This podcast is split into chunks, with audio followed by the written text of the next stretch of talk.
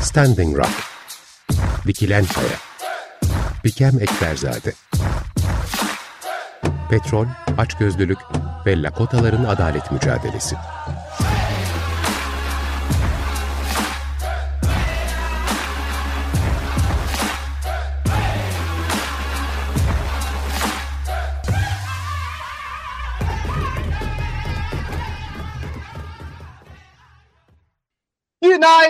Özdeş, günaydın Günaydın. Ferhat Bey. Hoş geldiniz efendim aramıza bugün.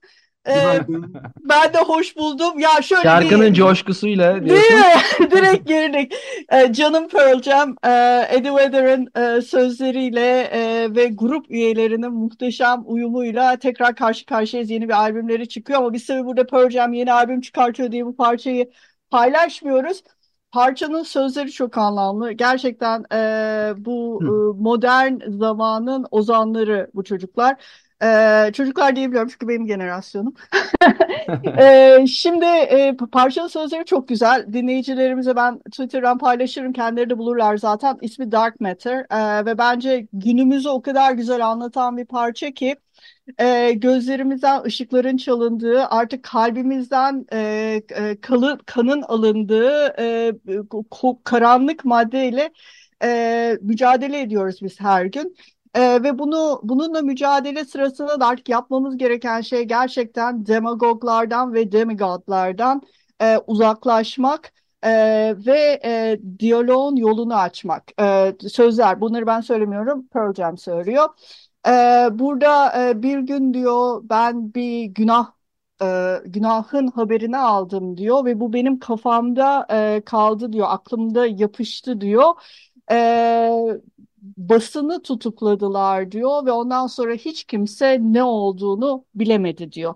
Yani bu e, bu Pearl Jam Amerikalı bir grup Seattle'dan e, şeyden e, onlar e, ben doğu Evet. yakalıyım onlar batı yakalı. E, fakat Meşhur e, grunge e, Evet, janrının gr- en evet. önemli isimlerinden bir tanesi. isimlerinden bir tanesi. Hatta o akımın e, başladı başlamasına da belki ön ayak olan gruplardan bir Evet. tanesi ama aynı e, o dönemin grupları gibi nasıl R.E.M. hiçbir zaman için Atlanta, Georgia'dan e, Athens, Georgia'dan daha doğrusu uzaklaşmadıysa aslında Pearl Jam de hiçbir zaman için elini kendi komünitelerinin üzerinden çekmedi ve her zaman e, veren bir grup oldular. Hem müzikleriyle, e, yaptıkları parçalarla, dertlerini bize anlatmaya çalışmalarıyla, bizim derdimizin benzerlerini dile getirmeleriyle e, belki de bu yüzden bu kadar popülerler ve bu kadar seviliyorlar. E, benim de en Evet, yani rock, rock müziğine biraz yakışacak şekilde son derece politik bir grup. Biz de evet, Açık Radyo'da özellikle e, 2020 yılında yayınladıkları Gigaton albümü se- sebebiyle sık sık yer vermiştik. Albümü evet, de baştan sona çaldığımız oldu. Çünkü bu da ekolojik kriz ve iklim değişimi üzerine bir evet. albümdü. Hatta Retrograde diye bir şarkıları vardı. E, video klip, animasyon bir video klip Hı hı. yayınladılar. Orada orada da Greta Thunberg vardı, oynuyordu. Evet yani müthiş e, şimdi bütün bunların yanında yani bunların bir gerçekten çok dolu e, ve e, altına hikayeler yazılan bir şeyleri var bir e, disko diskografileri var ama aynı zamanda e, dediğim gibi hani e, topluluklardan da hiçbir zaman için ellerini çekmeyen bir grup ve her zaman için aldıkları kadar ver- veren de bir grup hatta belki daha fazla. Ee, senin de anlattığın gibi gerek iklim krizi olsun ama indijen yani bizim e, Dikilen Kaya'nın konusuyla Standing Rock'la da aslında birebir örtüşüyorlar. Şöyle geçtiğimiz yaz. Şimdi e, e, bas gitarcıları Jeff Amen'ın kurduğu e, bir STK var. Buna Montana Pool Service ismi bunun. E, ve yaptıkları şey şu, e, kırsal kesimlerde ve yerli komünite yani indijen komünitelerin bulunduğu alanlarda, rezervasyonlarda skate parklar yapıyorlar. Kaykay e, alanları yapıyorlar. İnşa, parkları inşa ediyorlar. Ee, ve bunu oraya götürmelerinin yani bu alanlara götürmeleri, kırsal kesime e, kaykay parklarına taşımanın en önemli e, sebeplerinden bir tanesi Jeff Amen'ın anlat, anlatısı üzerine. E, ya biz hani şehirde biz bu e, zevki yaşayabiliyoruz ve bu meşgaleyle e, kendimizi ilerletebiliyoruz ama kırsal kesime geldiği zaman böyle bir şansları yok bu toplum toplulukların. O yüzden biz onları elimizden geldiği kadar bunu ulaştırmaya çalışıyoruz. Şimdi biz Dikilen Kaya'nın e, çok erken bölümlerini yani ilk başladığımız zaman Cheyenne River Youth e, Project'ten bahsetmiştik. Cheyenne River E, hatırlıyorum ben. e, hatırlarsın hemen e, şeyin 48'in e, biraz uzağında e, ve e, Cheyenne'lerin ve Lakotaların birlikte yaşadıkları e, rezervasyonun içerisinde e, bir genç genç proje e, gençleri ilgilendiren bir proje. İşte e, onlar e, hani farklı yollara girmesinler, kendi e, becerilerini geliştirsinler, e, sporsa spor, sanatsa sanat uğraşsınlar e, ve burada e, aynı zamanda da kendi kültürlerini tanısınlar diye birçok proje yapılıyordu. İşte e, mesela e, Buffalo'nun e, derisi nasıl e, tabaklanır ve kullanıma hazır hale getirilirden e, grafiti partilerine kadar e, birçok e, böyle değişik geniş bir panoramada e, kültürlerinden uzaklaşmayan ve dediğim gibi kendi e, şeylerini, özelleşmelerini, kendi e, ilgi alanlarını destekleyecek projeler yapılıyordu. E, aslında bu skate parklarda bunlardan bir tanesi ve geçtiğimiz yaz Haziran ayındaydı sanırım. E, Jeff Amenton e, kurduğu bu STK gitti ve Standing Rock'ta e, 48'te Dikilen Kaya rezervasyonunda bir tane kaykay parkı açtı.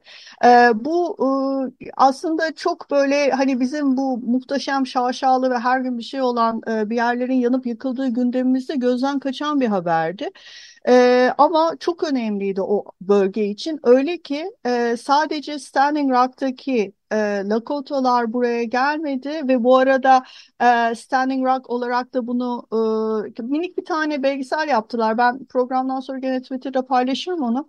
E, Inyan Voslata da biz bu parkı açıyoruz dediler. Yani e, Diklan Kaya'nın e, orijinal Lakota ismini kullanarak ee, ve aynı zamanda 48 North Dakota'yı parantez içerisine koyarak biz bunu Akechita Hanksa bölgesinde açıyoruz dediler. Yani bu da aslında e, bizim burada gene e, konularımızdan bir tanesi olan hem toponimler hem de land grab yani topraklar e, elden alındıktan sonra Hı, toprak yer gaspı, evet. isimlerini toprak gaspı sonrası yer isimlerinin e, kuvvetli taraf tarafından değiştirilmesi ve bir aslında asimilasyonun karanlık yüzünün bir başka parçası ve bunu e, yani bir proje kapsamında gerçekten oradaki yerli isimlerin yerlerin kullandığı isimlerin kullanılması da bence çok önemli ve çok e, hassas bir duruş. E, şimdi e, buradan e, Pardon bu arada ben küçük bir korsan e, lütfen mı? E, bu hem tam hakikaten korsan olacak kusura bakmayın. Demin okumadığımız haberlerden biri bu Rıza Türmen'in T24'teki bir e, yazısından esinlenerek söyleyeceğim bunu. Yerel seçim öncesi yeni bir demokrasi seçeneği olarak işte 11 Şubat'ta bir takım STK'lar toplanıyorlar ve aslında tam altın çizdikleri mesele bu. Aslında o yerelin sözünün dinlenmesi, merkez yerel ilişkisini yeniden düşünmek, bir tür yurttaşlık hareketini düşünmek, yeni bir kent sözleşmesi yapmak, herkesin açılımına, katılımına açık, mekanındaki insanların doğrudan tartıştığı, çözüm aradığı kurumlar. Bu aslında yeni siyaset yapma biçiminin de galiba küçük bir e, örneğini anlatıyorsunuz e, tam da bu vesileyle diyerek bir araya hem Türkiye'de bu meselelerin de ciddi bir şekilde ele alındığını ama uzun bir e, soluklu mücadele gerektiğini de söylemiş oluyor. Kesinlikle ve bu mücadele çok teşekkür ederim e, Ferhat Bey böyle bir e, ufak e, şey yaptığınız için ekleme yaptığınız için Benim burada adım e, Ferhat oldu bu arada. Bil- bilgilendirme yapayım. ha, ben de bey, dedim bey düştü. Ha Ferhat tamam Evet. tamam. Ben benim çünkü bir şey var. e, isim problemi var. Ben böyle isimleri tanıştığım insanların isimlerini 3 saniyede unutuyorum. Birden eyvah dedim. Yanlış bir isim söylüyorum. Tamam, tamam beni düşür. Tamam oldu. O Ferhat hocam diyeyim. Hocam diyeyim ben Yok yok onu da kaldırdık. Onu Onu da kaldırdık. kaldırdık. Peki tamam. O, o zaman ben hızlıca devam ediyorum. Ee, şimdi e, aslında bütün bunların altında yatan e, Dikilen Kaya'da da sıklıkla kullanılan, e, gündeme getirilen daha doğrusu kullanılmayan, gündeme getirilen ve kullanılması cesaretlendirilen ve belki bence siz hani yerelden bahsettiniz Ferhat belki onu bizim de e, adapte etmemiz, tekrardan hatırlamamız ve uygulamamız gereken günlük hayatımıza. Hani hep diyoruz ya biz birey olarak ne yapabiliriz? Ne yapabiliriz? Ben anlatayım. Ee, boykot, divest ve sanction diye BDS diye bir e, çok eski bir hareket var. Bu hareket aslında benim bildiğim kadarıyla hatalıysam lütfen düzeltin. Belki daha da geriye gidiyordur. Zaten Filistin hareketinden çıktı. Tabii, evet.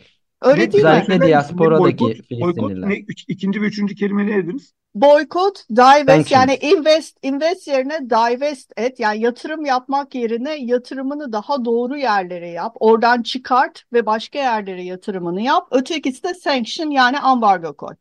Ee, şimdi biz Yap, burada yaptırım diye geçiyor aslında. yaptırım diye geçiyor. Evet. Evet. Ya biz burada birey olarak aslında bunun boykot kısmını çok rahatlıkla kullanabiliriz. Ne yapabiliriz? Bir kere her şeyden önce neyi tükettiğimizin farkına varabiliriz ki biz bunu defalarca söyledik burada Dikilen Kaya'da. Bu çok basit bir şey. Yani her gün yediğiniz kurabiyenin içerisine giren e, parçalardan satın aldığınız e, markanın e, gerçekten marka değerini araştırarak bunlar çok basit artık. İnternet o kadar e, fazla bilgiyle dolu ki bu konularda. E, bunlar üzerinden siz aslında birey olarak bunu yapabilirsiniz. Bir tek ben hani e, yaparsam ne olur demeyin. Her bir bireyin bunu yaptığını düşüne, düşünürseniz ve ulaşabildiğiniz kadar çok insanın bu konuda e, hani e, e, dahil olmasını sağlayabilirseniz aslında çok kuvvetli bir şey. Çünkü günün sonunda ekonomiyi etkileyen bir durum. E, siz e, bir şekilde e, seçeneklerinizi belirleyerek, tüketimi yöneterek aynı zamanda o koca koca şirketlerin kazandıkları e, yaptıkları, e, kaydettikleri karları da etkileme gücüne sahipsiniz. Şimdi buraya ben nereden geldim? Amazon'da çok ciddi bir mücadele veriliyor. Biraz şimdi böyle e, coğrafya değiştireceğiz. Tekrar Amerikalara döneceğiz ama Ben ama ineceğiz. öncesinde minik bir şey için araya gireyim? Lütfen, Bu tamam gir. BDS hareketi boykotu da, bireysel olmanın çok daha ötesinde daha kolektif bir şey Tabii, olarak yapıyorlar. Yani ne bileyim mesela şu anda da İsrail yönelik Eurovision'da yer almasın. İşte Venedik bir biraz biraz öyle okuduk. Venedik Bienalinde yer almasın. Öyle boykotlar. Yani tabii, yer almamalılar. Şirketlerle bütün ilişkiler kesilsin falan diyen sadece tabii. bireysel olmanın ötesine geçen de bir şey e, Evet, hareketler. bireysel olmanın ötesine geçen Özdeş yüzde yüz katılıyorum. Kesinlikle bu çok büyük hareketleri aslında e, amaçlayan bir şey, hedef eden, hedefleyen bir şey ama e, burada bireyselin önemini de bence e, bir kenara atmamak gerek. Çünkü ondan sonra şeye geliyoruz hep, aman biz bir bireyiz ya bırakalım hani büyükler yapsınlar boykotlarını e, falan. Ya öyle bir şey yok. Gerçekten her bireyin burada e, yapabileceği, kendi hayatını düzenlemek için yapabileceği şeyleri bir an önce başlatması çok önemli. Bu sadece Filistin için değil. E, şimdi anlatacağım Amazon'da e, gerçekleşen e, şeyler içinde biliyorsunuz e, biz Bolsonaro'dan kurtulduk. Bu süreç içerisinde çok sıklıkla kendisinden ve e, muhteşem e, ormansızlaştırma politikasından bahsediyorduk. E, hatta öyle bir şey ki yani Bolsonaro e, yönetiminde e, Amazon'un kaybettiği orman alanı e, Brezilya Amazon'un e, en en yüksek oranlardan bir tanesi. Adam rekor kırarak e, tacını Lula'ya devretti. Şimdi Lula geldiği zaman biz sevindik. Ha, tamam sol geldi e, Brezilya'ya. Belki işler biraz daha iyi olur. Hatta e, seçimi kazandıktan sonra e, indijen gruplarla olan yakınını da biliyoruz. E, birlikte kol kola e, başkanlık sarayına gittiklerini, e, bütün bunlar haber yapıldı vesaire. Fakat Lula'nın karşısında da çok ciddi bir e, şey var. Ya aslında bu bir ikilem. E, birçok e, nasıl söyleyeyim tırnak içerisinde iyi liderin ya da e, vicdanlı, iyi demeyeyim de iyi ve kötü relatif e, kavramlar ama vicdanlı e, olan e, ve biraz daha hani e, olaylara vakıf, e, iklim krizinin mevcudiyetinden haberdar, biyoçeşitlilik ka- kayıplarının oranlarına e, vakıf insanların, liderlerin e, aslında e, çatıştıkları, çarpıştıkları, karşılaştıkları konulardan bir tanesi biz bu koca koca şirketlerle ne yapacağız? Yani şimdi biz e, bir şekilde enerjiye ihtiyacımız var Brezilya için. Yani Brezilya nezdinde konuşuyorum. Bir şekilde enerjiye ihtiyacımız var ve burada e, enerjinin çıkartılması da söz konusu. Ama bunu yapan bu kocaman şirketler e, ve onların da yapış tarzları e, her zaman için e, kabul edilebilir ölçülerde değil. Özellikle yerli e, ve sesi çok fazla e, duyulamayan topluluklar söz konusu olduğu zaman. Şimdi E, burada evet e, Lula'nın karşısında bir e, enerji problemi vardı ve onunla nasıl baş edecek bu vardı ve orası biraz karışık. Ona belki başka bir programda daha geniş ve detaylı gireriz ama e, şu anda orada e, çok ciddi bir e, uzun zamandır tartışılan ama artık son e, şeysine evresine gelinmiş bir sıkıntı var. E, o da şu e, bir demiryolu yapılması söz konusu. Bu demiryolu e, tahıl üretimini e, transportasyon yani eri- ulaşımın daha rahat yapılabileceği merkeze Amazon'un içerisinden çıkartarak e, getirmesi söz konusu. E, buna da Grain Rail yani Ferrograo deniyor. E, 1142 kilometre uzunluğunda bir demiryolu bu. Şimdi bir demiryolunun bir orman içerisinden geçmesi neden sakıncalı olsun ki? E, bu aslında e, ekosistem fragmentasyonu. Yani çok basit bir şekilde anlatılması gerekirse tam olarak bu. Yani siz bir alanı parçalıyorsunuz. Bu aynı şekilde bizim burada yangın döneminde e, ormanlar nezdinde söylediğimiz şeyle de hem burada hem entropideki e, değişik bölümlerde bunu e, uzman hocalarımızın da anlattığı gibi yani e- ekosistem fragmentasyonu e, bir şekilde ekosistemleri böl ve yönet gibi de a, aslında şey yapılabilir, algılanabilir. E, e, siz ne kadar parçalarsanız o kadar aslında o ekosistemin sağlığını e, eksponansiyel bir şekilde negatif anlamda etkiliyorsunuz. Ve biz burada biyoçeşitliliğin çok yoğun olduğu bir yerde çok ciddi bir ormansızlaşmadan bahsediyoruz. Bu e, demir yolunun yapılabilmesi için çok ciddi anlamda e, nasıl e, şöyle anlatayım e, hani Kuzey Ormanları savunması nasıl Kuzey e, Marmara Otoyolu açılacağı zaman ayağa kalktı. E, benzer bir şey şu anda Brezilya Amazon'unda e, gerçekleşiyor ve yerliler buna tamamen karşı. E, şimdi burada e, ekosistem fragmentasyonu yanında bir başka şey daha var. O da ormanın iç kesimlerine, derinliklerine erişilebilirlik. Bu e, ilerleyen zamanda e, deforestasyon yani şey ormansızlaştırmayı, oraya girecek işte illegal çünkü Brezilya'daki en büyük sıkıntılardan tanesi illegal madenciler, yasa dışı çalışan madenciler. Tabii Bunların çeteler ki bunlar aynı zamanda. Aynen silahlılar ve biliyorsun e, Özdeş biz burada önceki e, şeylerde de e, programlarda da bahsettik. Orada artık öyle bir hale geldi ki indijen topluluklar normalde silahsız ve e, ve e, e, kendi içlerinde yaşayan topluluklar artık silahlanmaya ve e, bu e, kendi alanlarındaki orman içerisinde e, ormanı korumak amaçlı devreye gezmeye başladılar. Ve hatta bazıları bu işi biz e, Entropi'de de e, Amazonya'da kabileleri ağırladık. Bazıları bu iş için dronları dahi kullanmaya Öyle başladılar. mi? Teknoloji. Evet, evet Ben de tam teknoloji. diyecektim silahlanmadan kastımız ne? Şey mi roket mi? basit, Roket yok mi alıyorlar? Bas, basit tüfekler ama Evet. e, silahsız çıkamıyorlar çünkü karşılarında milisler var, paralı milisler. Bunlar işte giriyorlar, çeteler aynı senin daha önce söylediğin gibi çok ciddi bir mafya var yani Amazon ormanları söz konusu olduğu zaman ve oradaki ormansızlaşma ve e, maden e, yasa dışı maden e, çalışmaları söz konusu olduğu zaman çok e, ciddi e, şeylerle karşı karşıyayız. Böyle mafya mafya örgütleri, onların silahlı elemanları e, ve e, paramiliterler. paramiliterler vesaire. E, dolayısıyla şimdi Ferragrao'yu biz burada e, izlemeye devam edeceğiz. E, bu e, Ferragrao'nun yapılmasının arkasındaki işte bu e, tekrar Boykot Divest Sanction'a bağlarsak yani BDS hareketine bağlarsak şirket Cargill. Ee, ve Cargill e, ya aslında bunu isteyen e, Amerika'nın en büyük e, multimilyarder e, çok ciddi sermayesi olan Cargill Macmillan e, şirketler grubu E, ve Cargill'in de e, dinleyicilerimiz internete girip e, çalışma alanlarını inceleyebilirler. E, ağırlıklı olarak gıda sektöründe çalışıyorlar. E, ve e, bu şirket e, diyor ki yani eğer biz diyor bu e, tren yolunu açarsak o zaman işte e, hem emisyonlardan tasarruf edeceğiz hem daha kolay bir şekilde e, bu e, tahılı biz e, şeye ulaştırabileceğiz. Hani dağıtım merkezlerine oradan bütün dünyaya tabii ticaret yapıyorlar. Tekrar çevreci Ulaştırabileceğiz. dile geldik yani.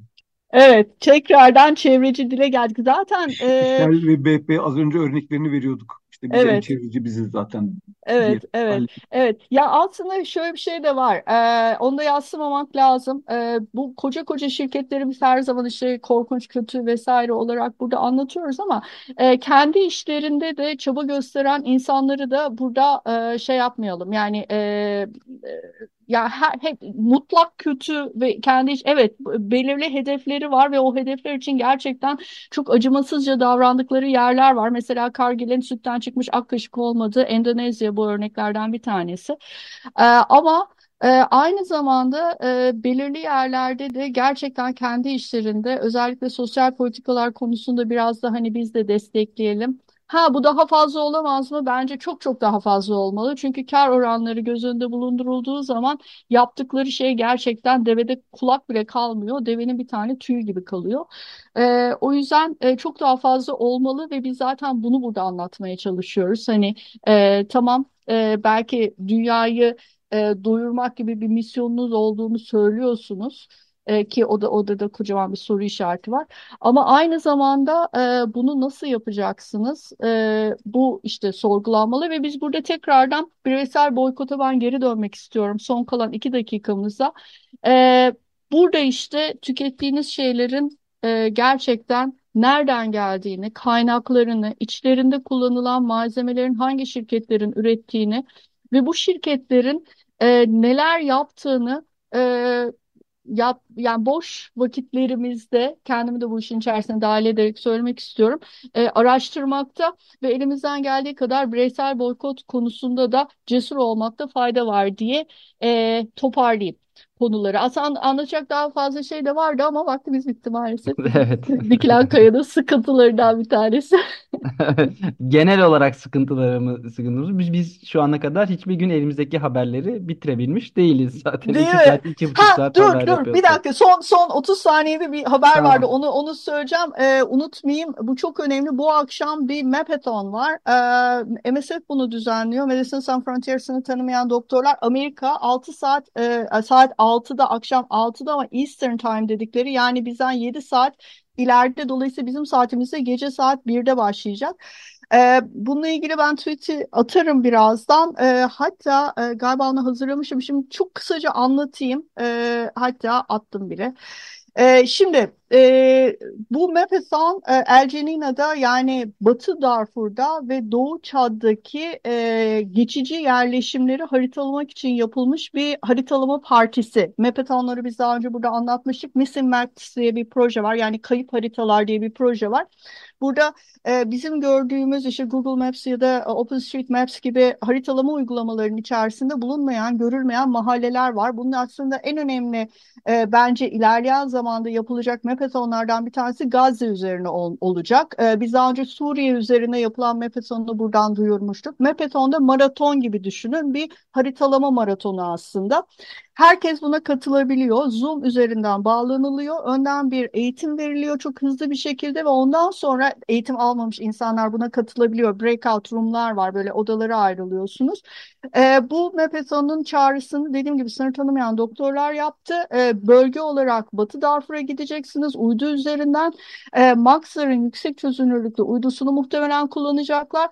E, ve oradaki yerleşimlerini, yerleşim alanlarını siz haritaya doğru bir şekilde uydudaki görüntülerden doğrulayarak işaretleyeceksiniz. Bu ne işe yarıyor? Bölgede yardım e, bölgede çalışan yardım görevlilerinin çok hızlı bir şekilde çatışma olduğu zaman, yaralılar olduğu zaman, bir bombalanma sonucu e, tahribat olduğu zaman e, hangi yolları kullanıp hangi yolları kullanmadan alternatif rotalar oluşturarak hızlı bir şekilde çatışma bölgesine e, girebilmelerini ve orada hayatta kalan insanları e, mümkün olduğu kadar güvenli alana taşımaları için çok önemli. Aynı zamanda mülteci kampları arasında geçiş için çok önemli. Bazen e, ben de oradaydım 2010 yılında hatta benim e, ikinci kitabımı oradan çıkarmıştım. E, e, yolların e, açılıp açık ya da kapalı olması ve mültecilerin e, ya da IDP'lerin yerlerine edilmiş insanların A noktasından B noktasındaki kamplara taşınması açısından bu rotaların e, çizilmesi çok önemli. Çünkü bahsettiğimiz yer çöl, Sahra Çölü. E, dolayısıyla e, uyanık olan e, dostlarımızı, dinleyicilerimizi eğer katılabilirlerse e, katılmalarına e, yurt dışında yaşayanlar da saat farkı nedeniyle daha avantajlarsa ve ilgilenirlerse katılmaları konusunda e, ben e, öneride bulunayım buradan. E, böylece de iki dakika Peki. geçirdim. Kusura bakmayın. İyi yayınlar size. Görüşmek üzere. Görüşürüz. Hemen hemen bir şey sormak istiyorum. Çok pardon. Bu deprem e, bölgeleri içinde kullanılabilecek bir yöntem olabilir mi? Yapıldı e, Ferhat Yapıldı mı? yapıldı Evet. bu. Bu, bu Mepeton yapıldı. Hatta e, o haritalar açık. E, oradan hala e, geri gidip e, yapabiliyorsunuz. Biz Suriye ve e, e, Maraş depremleri akabininde e, Şubat sonunda yani 6 Şubat depremleri akabinde o Tamam. ayın sonunda hemen başlattık o Mepetonu. Şey ben ben başlatmadım. Birleşmiş Milletler başlattı. Biz de dahil olduk. E, o, orada da e, yapıldı. Yani bu sürekli olarak bu Mepetonlar yapılıyor. E, bunun içinde UN Maps, e, sanırım Türkiye'den yer çizerler var. E, aynı zamanda e, e, benim paylaştığım MSF bağlantılarından da bulabilirler. Bir sonraki e, konuğunuz bekliyor. Ben ayrılıyorum. Kusura bakmayın biraz fazla vaktinizi aldım. görüşmek üzere. İyi yayınlar. Görüşmek üzere. Hoşçakalın.